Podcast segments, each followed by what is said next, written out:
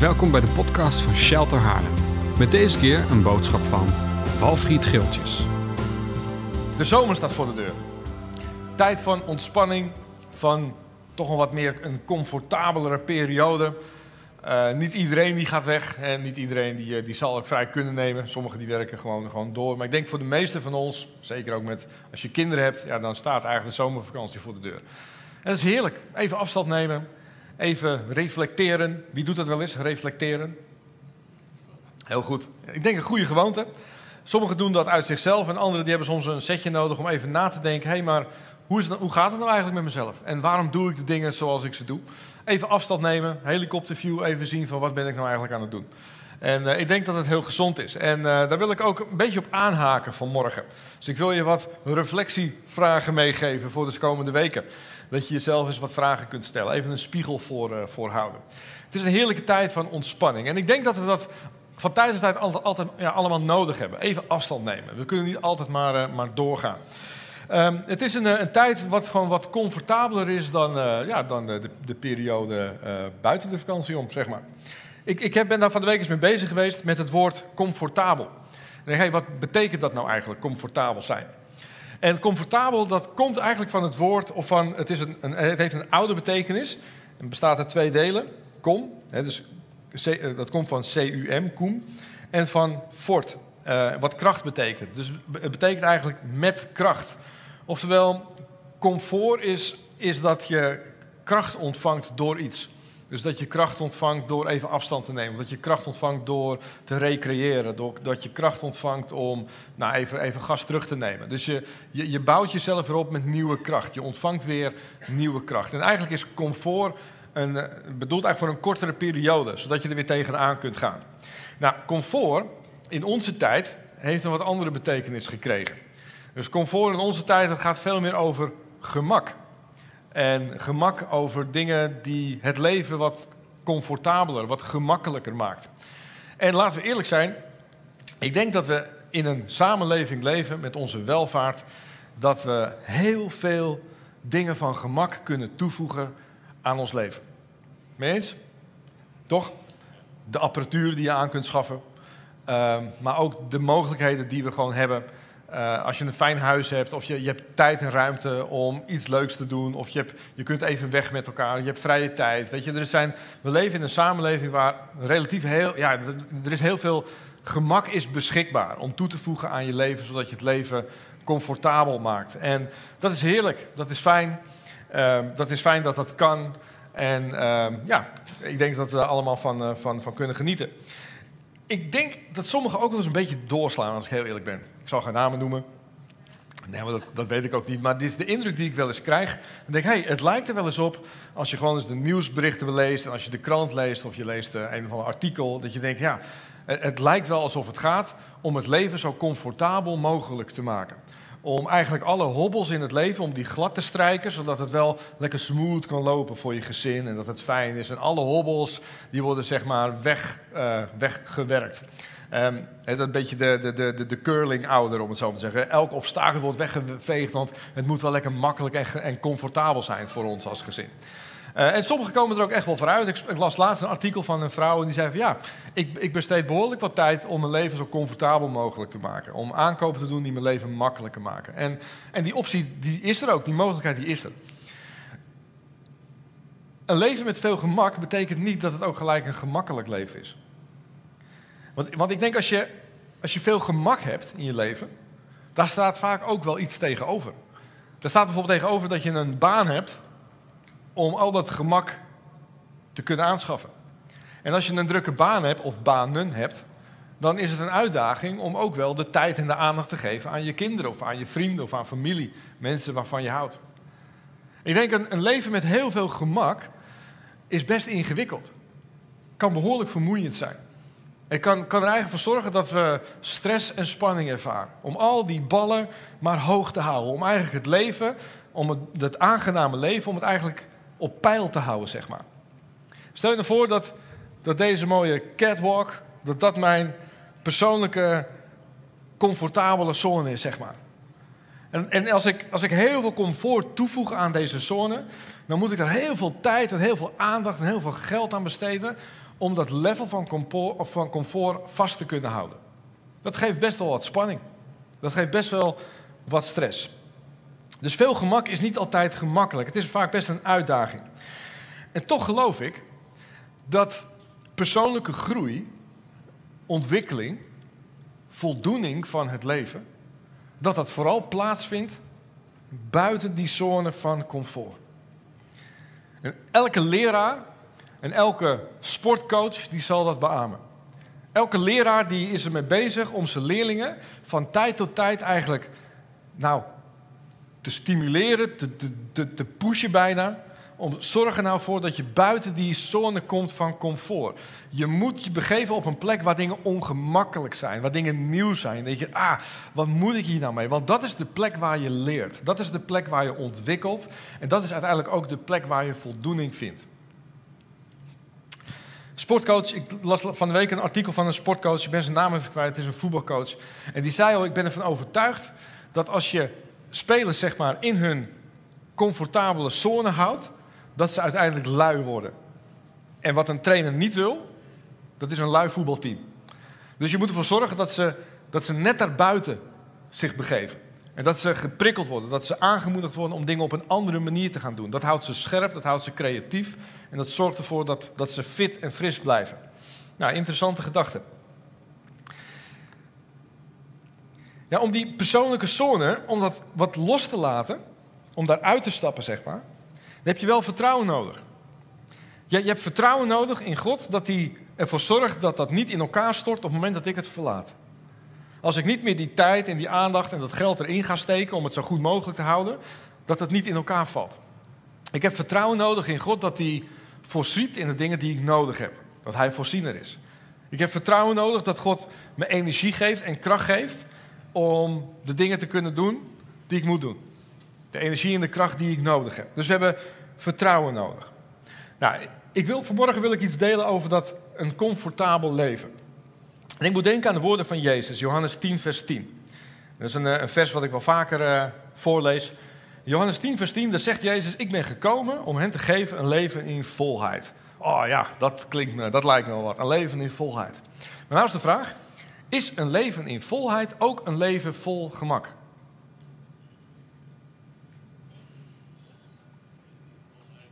Hmm. Is een leven in volheid een leven vol gemak? Ik denk het niet. Ik, denk dat een leven met Jezus, dat het eigenlijk per definitie ongemakkelijk is. Dat het niet comfortabel is. Dat een leven met Jezus, dat dat vaak alles behalve van gemakkelijk is.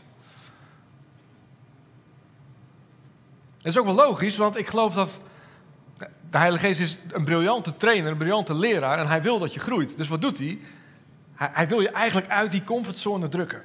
Want dat is de plek waar je groeit. Dat is de plek waar je dingen ontdekt, waar je ontwikkelt.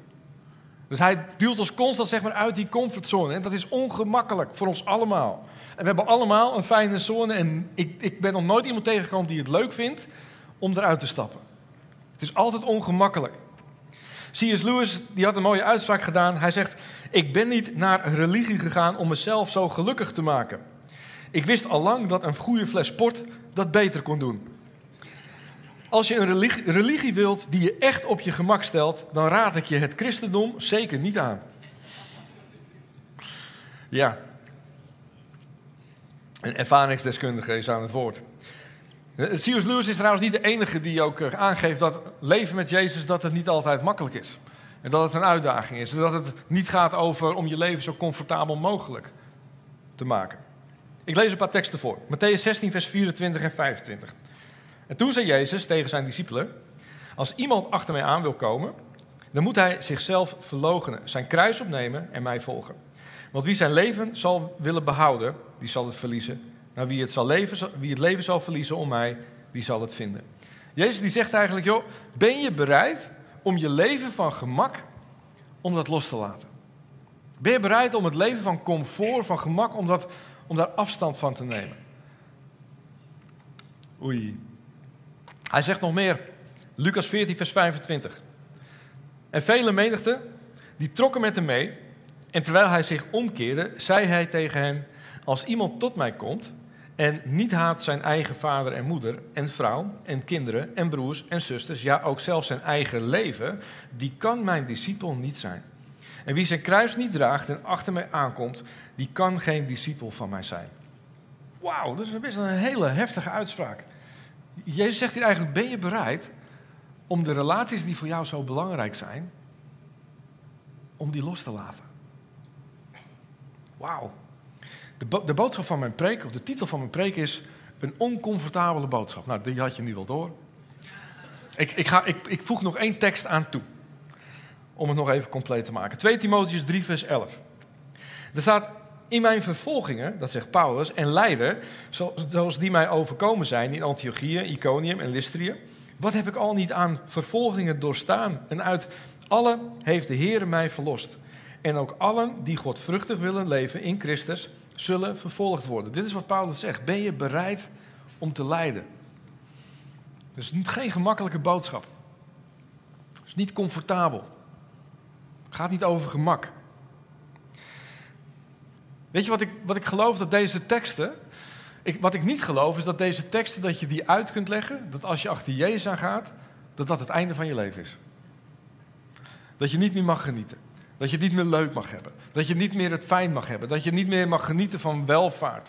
Dat je niet meer mag genieten van een groot huis of een dikke auto of een vakantie of wat dan ook. Ik geloof niet dat dat de boodschap is. Ik geloof dat het allemaal mag. Maar het, het mysterie is dat het echte leven van volheid, dat vind je pas op het moment als je bereid bent om dingen los te laten. Dat je zegt, oké, ik heb mijn leven vol van welvaart, maar er zijn momenten dat ik het loslaat. Dat ik, het, dat ik God vertrouw, dat hij voorziet, dat hij zorgt dat het niet in elkaar stort, dat hij me voorziener is, dat hij me blijdschap geeft, dat hij me kracht geeft. Dus ik geloof niet inderdaad dat we bestemd zijn om een saai leven te leven. Helemaal niet.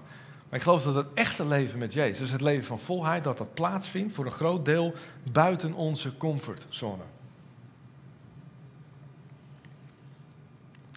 Heb je wel eens afgevraagd waarom Jezus de Heilige Geest de trooster noemt? Wel interessant, hè? Hij zegt dan, ik ga weg en ik laat jullie iemand na. Dan zegt hij de trooster. Hij had alles kunnen, alles kunnen bedenken. Hij had elke titel kunnen bedenken. Hij had uh, bemoediger, of hij, had alles had hij. Uh, degene die, uh, die altijd vrolijk is, die laat ik na. Maar hij zegt nee, hij zegt ik laat je de trooster. Heb je al eens afgevraagd waarom wij als christenen een trooster nodig zouden hebben? Waarschijnlijk gewoon omdat er momenten zijn dat we die trooster nodig hebben.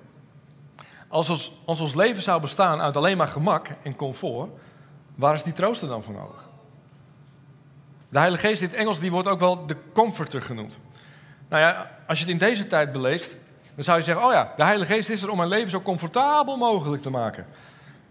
Ja, dan heb je denk ik de tekst niet helemaal goed begrepen. Want de Heilige Geest is niet gekomen om je leven helemaal comfortabel te maken, maar hij is de comforter. Oftewel, hij is degene die komt om jou weer krachtig te maken. Met de Heilige Geest ontvang je nieuwe kracht. Met de Heilige Geest ontvang je nieuw vertrouwen. Met de Heilige Geest ontvang je nieuw geloof. Vertrouwen en geloof om je comfortzone opnieuw weer los te laten en te gaan voor datgene waar God je voor roept. Dat is de rol van de Heilige Geest, om je te troosten, om je te bemoedigen, om je aan te sterken, om je aan te vuren en krachtiger te maken. Oké, nou, leven met Jezus is dus niet per se comfortabel. Het is een leven met vertrouwen. Dus eigenlijk wat ik vanmorgen wil doen, ik wil je even een, een spiegel voorhouden. Ik wil even een, een soort van reality check doen bij jezelf. En dat hoef je niet nu te doen, maar dat mag je gewoon de komende weken doen. Het is toch zomer, uh, dus het gaat allemaal wat langzaam, dus je hebt waarschijnlijk wat tijd over. En stel jezelf gewoon eens een aantal vragen. Gewoon dus is jezelf zeggen, oké, maar hoe comfortabel is mijn leven eigenlijk? En kan, kan het zo zijn dat je leven eigenlijk te comfortabel is? Ik denk dat het kan. Ik denk dat, het, dat een, een risico, een valkuil van ons als christenen hier in Nederland, dat het een valkuil is dat we te comfortabel zijn. En dan moet ik wel eens denken, wat ik net al zei aan die, aan die trainer, die zei van, als je voetballers niet uit hun comfortzone haalt, dan worden ze uiteindelijk worden ze lui. En ik denk dat we als kerk, dat het risico is dat we lui worden. Dat we niet meer in beweging komen. Dat we eigenlijk voldaan eigenlijk in die kerkbanken zitten, maar dat we elke keer maar niet uit die comfortzone stappen. Dus kan het zo zijn dat je te comfortabel bent in je christelijk leven? Ik denk het wel. Die conclusie moet je voor jezelf trekken, of dat zo is of niet. En ik wil je gewoon wat vragen geven uh, om daar eens over na te denken. Um, Wat ik niet wil, en dat hoorde ik vanmorgen ook weer, van je, je kunt er op twee manieren naar luisteren. Je, je kunt er naar luisteren en aan het einde van de, van de preek denken, ah, ik voel me schuldig omdat ik te weinig doe. En je kunt ook denken, hé, hey, de Heilige Geest is de beste trainer, hij is de beste leraar. En hij, zijn intentie is dat ik groei. En dat ik mij ontwikkel. En daarom daagt hij mij uit om de volgende stap te zetten. Het is maar net met welke oren je luistert. Maar ik geloof als je luistert als een zoon of als een dochter, dan is er geen ruimte voor schuldgevoel. Als je luistert met de oren van een zoon en een dochter, dan hoor je een vader spreken die het beste met je voor heeft. Die zegt, joh, er is nog zoveel meer te halen uit jouw leven. En ik hoop dat je ook met die oren luistert, dat je het hoort als een aanmoediging. Een aanmoediging van God die je aan wil moedigen om een volgende stap te zetten, om die comfortzone los te laten. Oké, goed. Nou, um, ik, ik, heb dus drie punten. Um, en het eerste is oncomfortabel met leerstellingen. De vraag is eigenlijk, worstel jij wel eens met onderwerpen of met thema's die je hoort of leest? Worstel je daar wel eens mee? En, en, worstelen, dat is dan meer dan dat je zondag in de dienst zit en je hebt de preek gehoord en je denkt van, nou, kan er niet zoveel mee. En je loopt het gebouw uit en zegt, nou, dat was mijn worsteling. Nee, dat, dat is niet wat ik bedoel. Worstelen, dat is dat je, dat je, dat je ergens in vastbijt. Je zegt, oké, dit is wat de Bijbel zegt, maar ik snap het niet. Wat bedoelt hij daar nou mee? Wat bedoelt God daar nou eigenlijk mee? Als we het hebben over genezing, dat God genezer is, en je worstelt zelf al jarenlang met ziekte, dan kan het zomaar zijn dat het, dat het, dat het een botsing geeft in je denken van hé, dat is een worsteling. Ik zie inderdaad dat u spreekt over genezing. En u zegt ook zelf dat u genezer bent, maar mijn situatie dan. Dat zijn worstelingen, daar moet je doorheen. En dat kost tijd, dat kost dat je boeken gaat lezen, dat je laat inspireren, dat je je tijd neemt met God om daar uit te komen en een antwoord op te vinden. Dit, dit is een voorbeeld, maar zo zijn er denk ik tal van voorbeelden te noemen waar we mee mogen worstelen. Weet je, en ik geloof dat worstelen is misschien niet leuk, het is niet comfortabel, maar het is wel super belangrijk. Weet je, worstelen is belangrijk. Het, het is goed dat je af en toe tot de conclusie komt dat je het niet weet. Het is heel gezond dat je tot de conclusie komt van ik twijfel soms aan wat de Bijbel zegt of het werkelijk waar is. Dat is goed. Je mag twijfelen. Je mag je vragen hebben. Je mag dingen niet begrijpen. Je mag worstelen met de thema's. Misschien hoor je mij wel eens dingen zeggen op een podium dat je denkt van ik weet het niet zo goed. Wat moet ik hier nou precies mee? Maar dat is gezond. Niet, ik wil je niet overtuigen, oh, ik heb gelijk, maar ik wil je wel aan het denken zetten. En, en juist dat aan het denken zetten, die worsteling, dat proces, dat levert je juist zo ontzettend veel op. Want het is buiten die comfortzone dat je groeit en dat je ontwikkelt. Dus wanneer is de laatste keer geweest dat jij geworsteld hebt met leer, leerstellingen, met uh, onderwijs of met het onderwijs wat Jezus geeft? Weet je, het is, uh, het is ongemakkelijk, maar het is belangrijk. Er is, er is ook niks nieuws aan. Um, ik ga je een voorbeeld geven. We hebben net avondmaal gevierd. Nou, de tekst die we vaak met het avondmaal lezen, die vinden we in Lucas 22, vers 19. En er staat: En hij nam een brood, en nadat hij gedankt had, brak hij het en hij gaf het aan hen met de woorden: Dit is mijn lichaam, dat voor u gegeven wordt. Doe dat tot mijn gedachtenis. En evenzo nam hij ook de drinkbeker. En na het gebruiken van de maaltijd en zei: Deze drinkbeker is het nieuwe verbond in mijn bloed, dat voor u vergoten wordt. Nou, voor ons niks schokkends. Dit hebben we misschien wel honderd keer gelezen. Elke keer als we avond nog vieren, is er wel iemand die deze tekst voorleest. Niks schokkends zou je zeggen. Maar probeer nou eens te verplaatsen in een van die leerlingen die bij Jezus is. Wat vieren ze hier? Ze vieren Pesach. Nou, Pesach was misschien wel het belangrijkste feest van de Joden. Want wat vierden ze met Pesach? Met Pesach gedenkten zij en zij vierden de uittocht uit, is uit Egypte. Dus dat hun voorouders jarenlang, die waren slaven in Egypte en die werden bevrijd uit Egypte. En dat is wat zij elk jaar vierden en dat deden ze honderden jaren. En elk jaar weer opnieuw vierden ze Pesach met elkaar om dat te gedenken. En wat zegt Jezus? Jezus zegt, joh, ik vind het zo fijn om met jullie Pesach te vieren. En dan zegt hij, eet en, en drink dit tot wiens gedachtenis? Tot mijn gedachtenis, zegt Jezus. Met andere woorden, hij zegt, oké, ik weet dat jullie al decennia lang, eeuwenlang, dat jullie de uittocht uit Egypte vieren. Maar de betekenis van dit feest gaat veranderen. Van nu af aan, als we avondmaal vieren, gedenken we mij. Kun, kun, je, kun je je voorstellen wat dat deed in het denken van die gasten die eromheen zaten? Maar wat, wat, zegt, wat zegt Jezus nu? Maar dit, dit, dit, dit, dit, dit kan niet waar zijn. Dit kan niet van God zijn. Dit is valse leer. Hij gaat in tegen onze traditie. Hij gaat in tegen de juiste leer. Dit kan niet van God zijn. Het is om, een beetje dichterbij te halen. En die Stanley gaf me dat voorbeeld. Ik vond hem heel mooi. Maar stel je nou voor dat het over een tijdje is het weer kerst. We staan nu voor de zomer. Over een tijdje is het weer kerst. Stel je nou voor dat Wesley gaat spreken met kerst. En zegt, oh mensen, het is zo fijn om kerst te vieren. En met kerst, normaal gesproken vieren we altijd de geboortedag van Jezus. Maar vanaf nu vieren we mijn geboortedag. Stel je voor dat hij dat zou doen. Nou, ik denk dat we heel veel mailtjes zouden krijgen. Zo van, dit, dit, dit kan niet goed zijn. Maar dit is wat Jezus deed. Hij gooide gewoon de totaal, de, de, leer, de traditie, de gewoonte, gooide die compleet overboord. En zeggen, oké, alles wat verleden tijd is, dat gaan we niet meer gedenken, wat we nu gaan gedenken.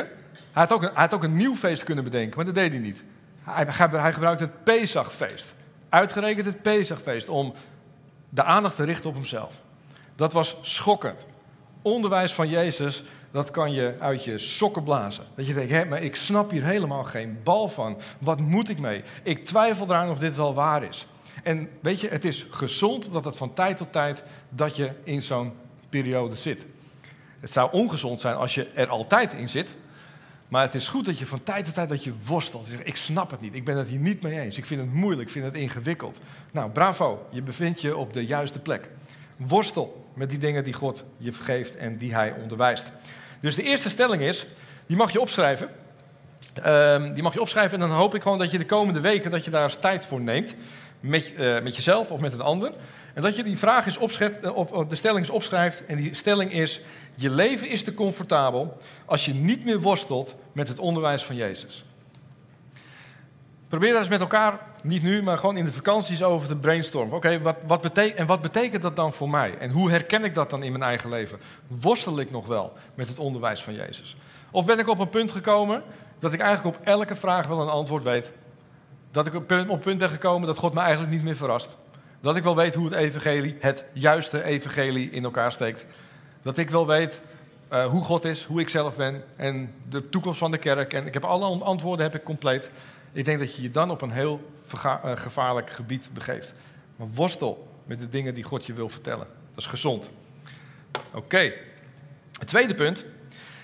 Um, je, oncomfortabel voelen met mensen. Dus het eerste was je oncomfortabel voelen met leer. Maar nu is het oncomfortabel voelen met mensen. Kom je nog wel eens regelmatig in contact met mensen waarbij je je oncomfortabel voelt? Of zoek je vooral de mensen op waar je een natuurlijke klik mee hebt. Nou, dat is een goede spiegel. Hoe vaak ontmoet je nog wel eens mensen waarvan je denkt, nou, die zou ik niet van mezelf nou eens uitnodigen. Als de dienst is geweest, zoek je dan altijd de mensen op die je kent. Dat je zegt, ah, leuk. Of zoek je ook wel eens de mensen op die denkt, nou, ik, weet eigenlijk niet wie dat is. Of uh, de klik is er niet zo. Is, is dat erg als er geen klik is? Ik denk dat het heel, heel normaal is. Ik geloof dat niemand van ons dat hij met iedereen kan klikken. Toch? Je hebt, je hebt altijd mensen waarvan je van natuurlijk makkelijker mee connect dan met andere mensen. Dat geldt voor ons allemaal. Dus dat is niet de opdracht om maar met iedereen bevriend te raken. Maar heb je nog tijd en heb je nog aandacht voor iemand waar je misschien van nature niet zo mee, klikt? Ik denk dat ook, ook het mooie is van gemeente zijn. Weet je, het mooie van gemeente zijn is dat we allemaal anders zijn. We hebben jonge mensen, we hebben oude mensen, we hebben rijke mensen, we hebben jonge, of, uh, arme mensen. Uh, we hebben donkere mensen, we hebben blanke mensen. Uh, wat hebben we nog meer? Man en vrouw, uh, iedereen die ontmoet elkaar. En ik denk dat dat um, het unieke is zeg maar, van kerk zijn. Ik hoorde ook een keer iemand zeggen, dat, is, dat was geen christen, maar die zegt, joh, we moeten niet uh, vergeten wat de impact is van een kerk in de samenleving. En toen noemde hij dit voorbeeld. Hij zegt, de kerk is eigenlijk de enige plek in de samenleving waar, waar mensen van verschillende sociale klassen elkaar ontmoeten en koffie drinken. Op welke andere plek gebeurt het nog steeds dat een directeur van een bedrijf koffie drinkt met iemand die in de bijstand zit? En gewoon geïnteresseerd is van, hé, hey, maar hoe was jouw week? Waar gebeurt dat? Gebeurt het nog bij een voetbalveld? Nee, ik denk het niet. En dat, dat is wat we als kerk hebben. Hoe kostbaar is het dat er, dat, er, dat er een mix is zeg maar, tussen al die mensen die elkaar weten te ontmoeten en weten te verbinden met elkaar.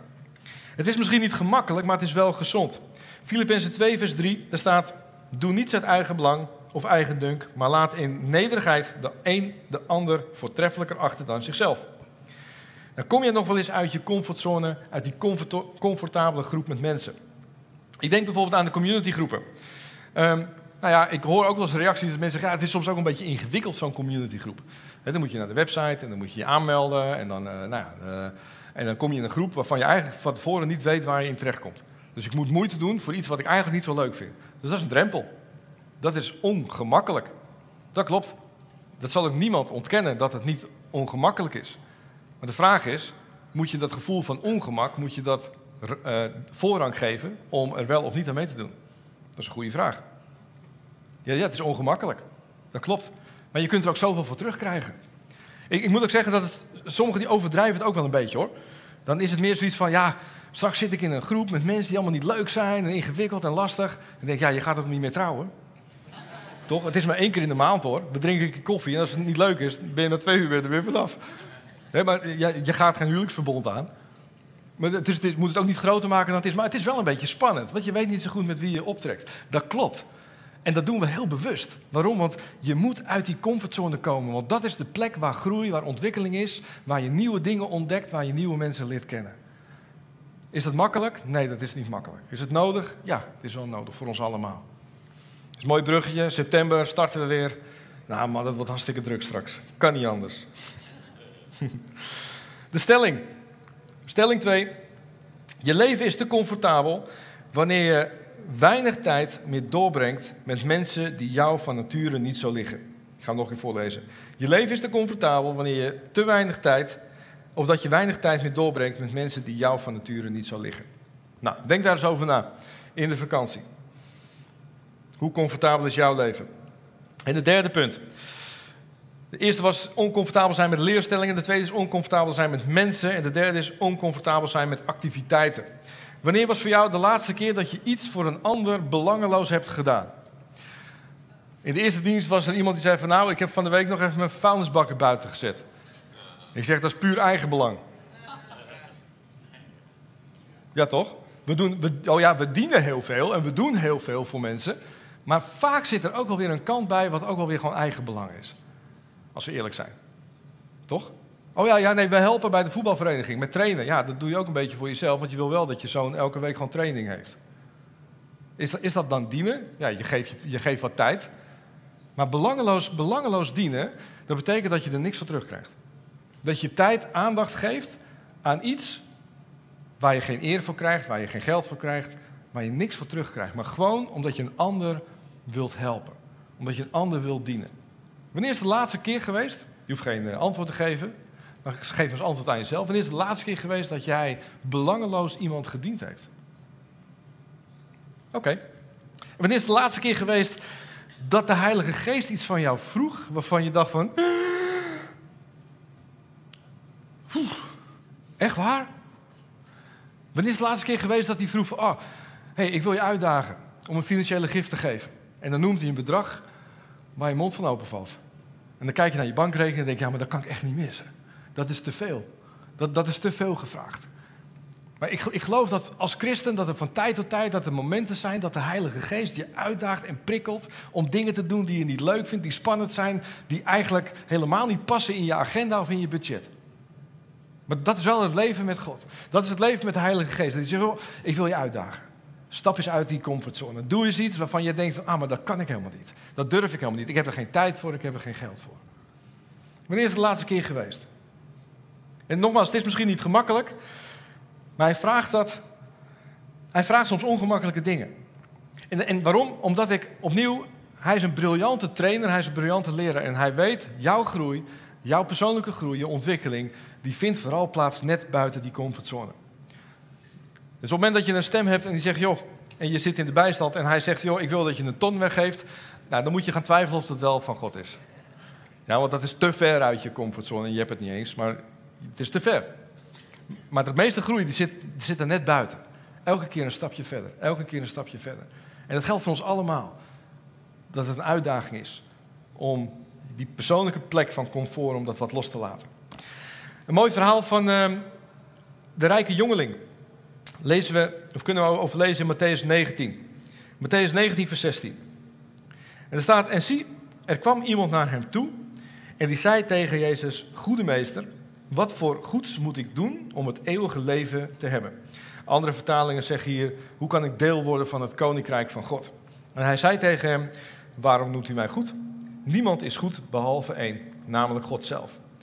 Maar wilt u, uh, maar wilt u tot het leven ingaan, neem dan de geboden in acht. En hij zei tegen hem, welke? En Jezus die zei, nou, je zult niet doden, je zult geen oogst plegen. Dan noemt hij de hele rijtje met geboden noemt hij op. En dan zegt op een gegeven moment die jongeman, die zegt dan, die zei tegen Jezus, al deze dingen, uh, die heb ik in acht genomen, die heb ik gedaan, van mijn jeugd af aan. Wat ontbreekt mij nog? Eigenlijk zegt de jongen, nou, ik heb eigenlijk alles gedaan wat ik moest doen. En Jezus die zei tegen hem, als u volmaakt wil zijn, ga dan heen, verkoop wat u hebt en geef het aan de armen. En u zult een schat hebben in de hemel. En dan zegt hij, kom dan en volg mij. En toen de jongeman dit woord gehoord had, ging hij bedroefd weg, want hij had nogal veel spullen. Hij had nogal veel gemak in zijn leven verzameld. En daar wilde hij niet vanaf. Die mooie iPad, die dikke auto, maakt niet uit. Hij had alle dingen, dingen had hij verzameld, hij had gemak verzameld. Maar Jezus die, die, die geeft hem zo'n waanzinnige opportunity. Hij geeft hem zo'n mooie kans. Hij zegt, joh, als jij bereid bent om alles los te laten. Als jij bereid bent om het te verkopen en weg te geven aan de armen, dan mag je met me mee. Wat een uitnodiging. En weet je wat ik, wat ik zo triest vind eigenlijk aan dit verhaal? Als je het verhaal leest, dan, dan, dan staat er eigenlijk, die man, die wordt eigenlijk gezien als iemand. Hij wordt omschreven als iemand. Niemand weet wie het was. We kennen, niet, we kennen zijn naam niet, we weten niet waar hij vandaan kwam, we weten eigenlijk helemaal niks. We weten alleen dat hij niet zo oud was en dat hij heel veel geld had. Dat is wat we weten. En hij gaat eigenlijk door het leven als iemand. En we weten niks. We weten niet hoe zijn leven verder ging. Zijn leven ging waarschijnlijk uit als een nachtkaars. Maar wat was er gebeurd als deze man geluisterd had naar de woorden van Jezus? Wat was er gebeurd als hij wel zijn bezit had verkocht en zegt: Ik geef het allemaal weg en ik ga Jezus volgen? Dan ben ik ervan overtuigd dat deze man een naam had. En dat we 2000 jaar later, dat we deze man met een naam nog steeds zouden gedenken. En dat Jezus hem over zou spreken: Oh, wat heb jij een groot geloof? Wat heb je een vertrouwen in mij? Dat je bereid bent om alles achter je te laten en mij te volgen. En we hadden kunnen lezen over het avontuur van deze man, deze onbekende man. Het avontuur samen met Jezus. We hadden kunnen lezen over de getuigenissen, over de wonderen. We hadden kunnen lezen over de voorzieningen die hij had meegemaakt. En misschien was er wel een heel hoofdstuk aan deze man gewijd. Maar we zullen het allemaal niet weten, omdat deze man zijn leven van comfort en van gemak niet los durfde te laten. Ik ben bezig met het schrijven van een boek en daar komt ook dit stukje in voor. Er is één vraag die ik me stel. Er is nog een vraag die ik me stel. Hoeveel christenen vandaag de dag, hoeveel christenen vandaag de dag hier in Nederland krijgen van Jezus net zo'n uitnodiging? Ik zeg, ben je bereid om dat los te laten en om het weg te geven en om mij achterna te gaan? En is dat spannend? Oh, dat is mega spannend. Dat is hartstikke spannend. Maar ik geloof dat het leven in volheid, dat vindt juist plaats op die plekken waarvan God je uitdaagt en uitnodigt om het los te laten en om achter Jezus aan te gaan. En ik geloof zijn betekenisvol leven willen leiden, dat onze naam gekend wordt in de hemelse gewesten. Dat is een leven wanneer we bereid zijn om dingen los te laten. De stelling 3. Oh nee, nog niet. Weet je, ik, eh, ik heb bewondering voor mensen die bereid zijn om dingen los te laten. En ik denk wij, ik denk wij allemaal, allemaal wel. Waarom houden we zo van de verhalen van Corrie ten Boom? Omdat een vrouw was die bereid was om heel veel te geven. De eerste dienst waren Henk en Grace, die waren hier. Oh, dat is voor mij ook zo'n mooi voorbeeld. Van mensen die gewoon in deze wereld leefden. Met gewoon een, een mooi huis en, en, prima dingen voor elkaar. Maar die ene stem van de Heilige Geest zei: Ben je bereid om je huis te verkopen en naar Lesbos te gaan en daar vluchtelingen te helpen? Dat hebben ze gedaan. En ik heb ze bezocht. En ze hadden een prachtig huis en ze hadden een hele fijne community hadden ze opgebouwd met lieve mensen. Ze hadden een, een soort kerk, werd, werd, er gevormd zeg maar, op Lesbos. En je, je, kon zien dat ze er intens van genoten. Maar toen kwam weer opnieuw de stem van de Heilige Geest. Die zegt, ben je bereid om dit opnieuw weer helemaal los te laten? En om alles weer te verkopen en gaan naar een ander eiland. Ik heb een andere opdracht voor jullie. En ik, ik weet dat ze het moeilijk vonden. Zeg maar, we hebben het net, net opgebouwd. We hebben net vriendschappen. We hebben net weer een community gevonden. Maar ze hebben het gedaan. Ze hebben het weer opnieuw losgelaten. En zijn weer verder gegaan naar het volgende eiland. En beginnen weer helemaal met nul. Geen huis, geen mensen, geen kerk, geen community. Helemaal niks. Maar weer opnieuw die comfortzone verlaten. En achter Jezus aan gaan. Weet je, en ik geloof dat dat is de sleutel voor ons allemaal. Van een leven, een leven in volheid, dat vindt zich, bevindt zich buiten die zone van comfort.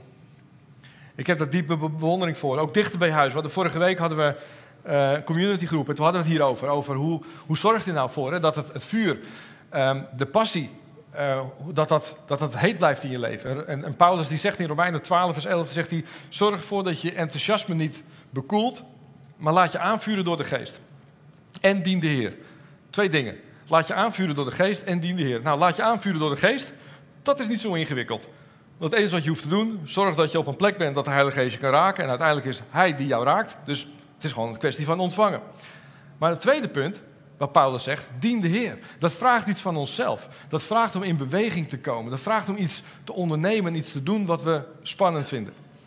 En Christian en Lisanne die waren er ook, ze zitten hier toevallig. En toen vertelde op een gegeven moment, uh, volgens mij was het Lisanne, die zei van ja, hadden op een gegeven moment het idee dat het goed was om de kledingbank uh, te leiden en te coördineren.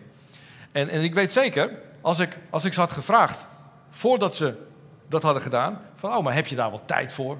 Past het wel bij je werkzaamheden? Uh, lukt dat met een jong gezin? Uh, heb je er überhaupt wel zin in? Uh, nou, dan, dan, denk ik dat ze op heel veel vragen zouden zeggen, ja, eigenlijk past het niet. We hebben een jong gezin, het is een hartstikke druk, drukke baan, ingewikkeld, maar die stem. Het is goed om deze stap te zetten. En dat hebben ze gedaan. Toen zei ze, dat vond ik heel mooi, zegt ze, ik heb er zo waanzinnig veel voor teruggekregen. Want dat, dat is hoe het werkt. Als je durft los te laten, dan krijg je er zoveel weer voor terug. Zo, je krijgt zoveel dingen, je krijgt er andere dingen voor terug. Het geeft zoveel voldoening, het geeft zoveel levensvreugde. En ik denk dat we als kerk soms zo bezig zijn om die, die zone van comfort, om dat te bewaken. Om te zorgen dat ons gezinnetje en onze familie en de relatie met onze vrienden, dat het allemaal op peil blijft. En daar kunnen we al onze tijd en al onze energie en al ons geld in steken. Maar we vergeten om die zone eens los te laten en tijd te investeren belangeloos aan iemand anders. De derde stelling. Je leven is te comfortabel wanneer je niet regelmatig de ander belangeloos dient. En de sleutel van deze stelling zit in belangeloos. Belangeloos dienen. Doe je dat nog wel eens? Belangeloos dienen. Nou, nogmaals, ik hou even een spiegel voor. Ik zeg niet dat je het niet goed doet, of ik zeg niet dat je het wel goed doet, eh, maar ik hou even een spiegel voor. Ik hou mezelf ook een spiegel voor. Dat doe ik regelmatig. Afgelopen week had ik een reflectieweek en uh, dan hou ik regelmatig een spiegel voor. En is dat altijd makkelijk? Nee, dat is niet altijd makkelijk. Maar het is wel belangrijk. Weet je, het is een beetje hetzelfde als met feedback. Wie houdt er van feedback? Oh, een paar. Oh, nou, dat vind ik wel heel knap. Ja, vind, nou, dat is misschien een, een, verkeerde vraag. Wie vindt feedback makkelijk en leuk? Oké, ik zie één hand. Eén hand. Nou, dat zegt al iets. Dat zegt al iets. Feedback is, is fijn, is, is belangrijk, maar het is niet altijd makkelijk. En als je feedback ontvangt. Ik weet jaren geleden, toen. Uh, uh, oh ja, dat, dat was, een, was, een, samenkomst. Ik was nog geen voorganger. Jan was voorganger en ik leidde de dienst. En ik had op een gegeven moment tijdens de aanbidding had ik het idee uh, dat God meer wilde doen. Dus ik zei tegen Jan, ik zeg, ik denk dat we door moeten gaan met de aanbidding. En hij zei, nou, prima, laten we dat doen. Dus we gingen door met de aanbidding, maar er gebeurde eigenlijk niks. dus de muziek die speelde verder, maar het was niet, ik denk, oh ja, huh? ik was een beetje, een beetje verrast, een beetje verbaasd.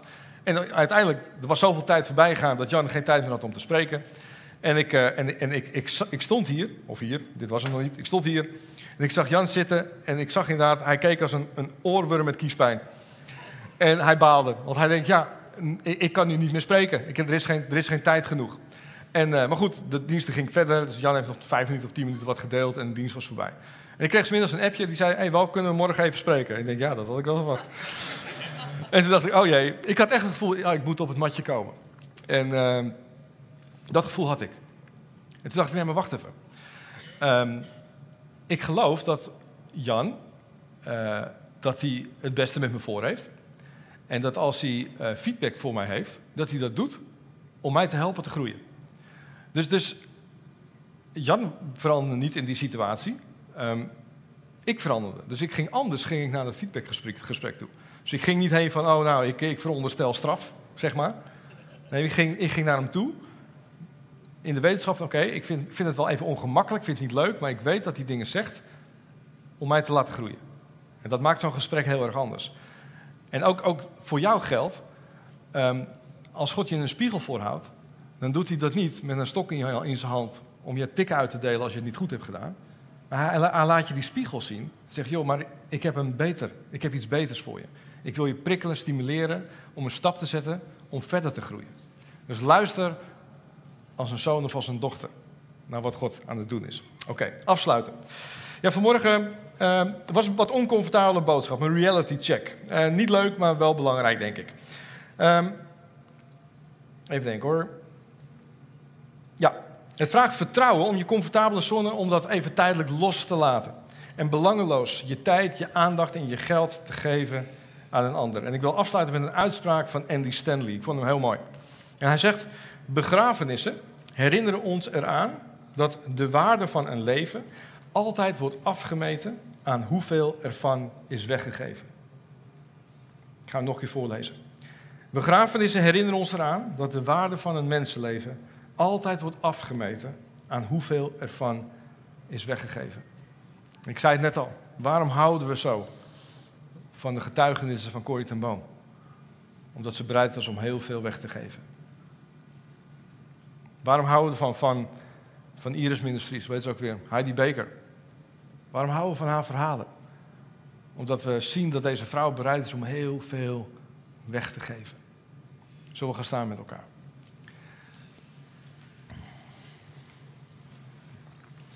Misschien wil je wat muziek opzetten. Dankjewel.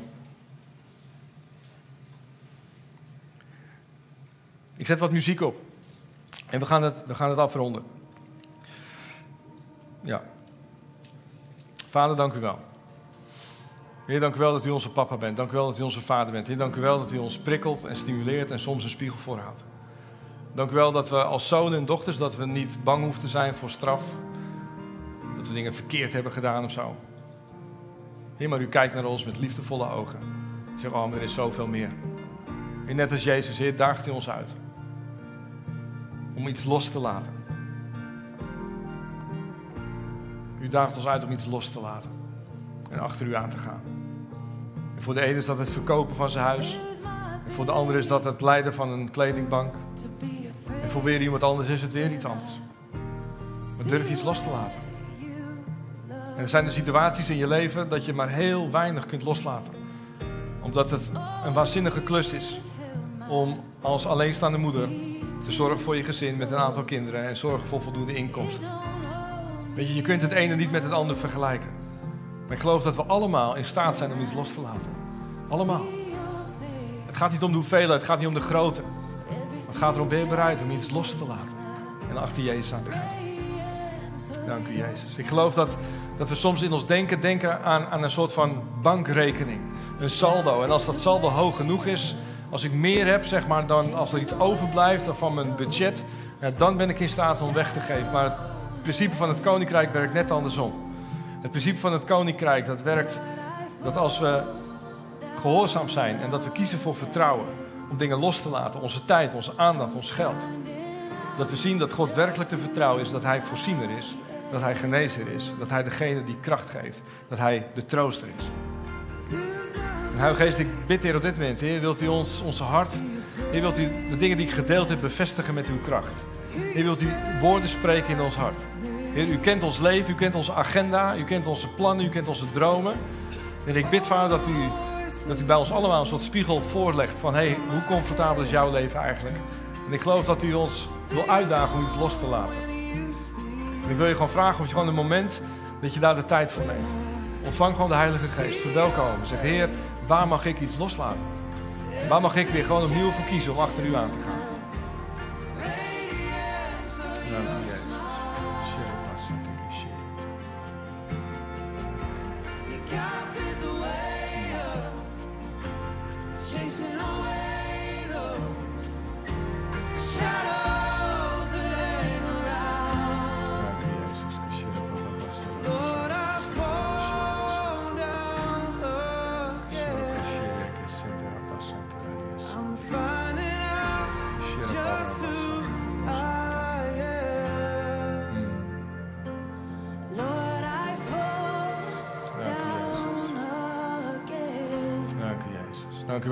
Kerk mogen zijn die fit is. Een kerk die fit is, met spelers die fit zijn. Die getraind zijn, die creatief zijn. Die nieuwe oplossingen kunnen bedenken. Heer, dank u wel dat we een kerk mogen zijn die vitaal is, die krachtig is. Heer, die leeft, Vader, Heer, in intieme relatie met de Heilige Geest. Heer. Heer, een gemeente die bestaat uit mensen die bereid zijn om tijd, om geld, om aandacht weg te geven. Heer, ik bid, Vader, we zeggen vaak, we willen een gemeente zijn die buitensporig vrijgevig is. Heer, en dat geldt niet alleen voor onze financiën, maar dat willen we juist doen in tijd en in aandacht. Dat we buitensporig vrijgevig zijn. Heer, om uit te reiken, naar die mensen. We hebben het net gezongen. I speak Jesus. We zingen heel makkelijk, oh ja, dat, dat we de naam van Jezus aanroepen over de bergen, dat we zijn naam aanroepen in de straten. Maar dat is een uitdaging. Dat is niet makkelijk. Er zit zo'n verschil tussen dingen proclameren en zingen, maar het ook daadwerkelijk doen. Heer, maar willen een kerk zijn die niet alleen maar zingt, willen een kerk zijn die doet. Willen een kerk zijn die, die radicaal achter Jezus aangaat. Heer, die bereid is om dingen los te laten. Om los te laten onze zone van comfort. Dan zeggen we, Heer, maar ik wil me richten op mijn buurman. Ik wil me richten op die persoon die alleen is. Ik wil me richten op die persoon die gewoon even die aandacht nodig heeft. Dank u, Jezus. Dank u, Jezus.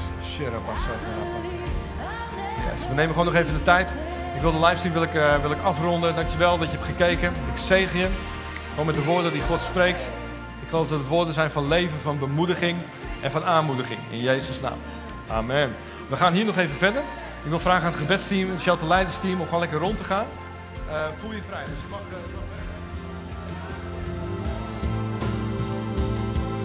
Dank voor het luisteren naar onze wekelijkse podcast.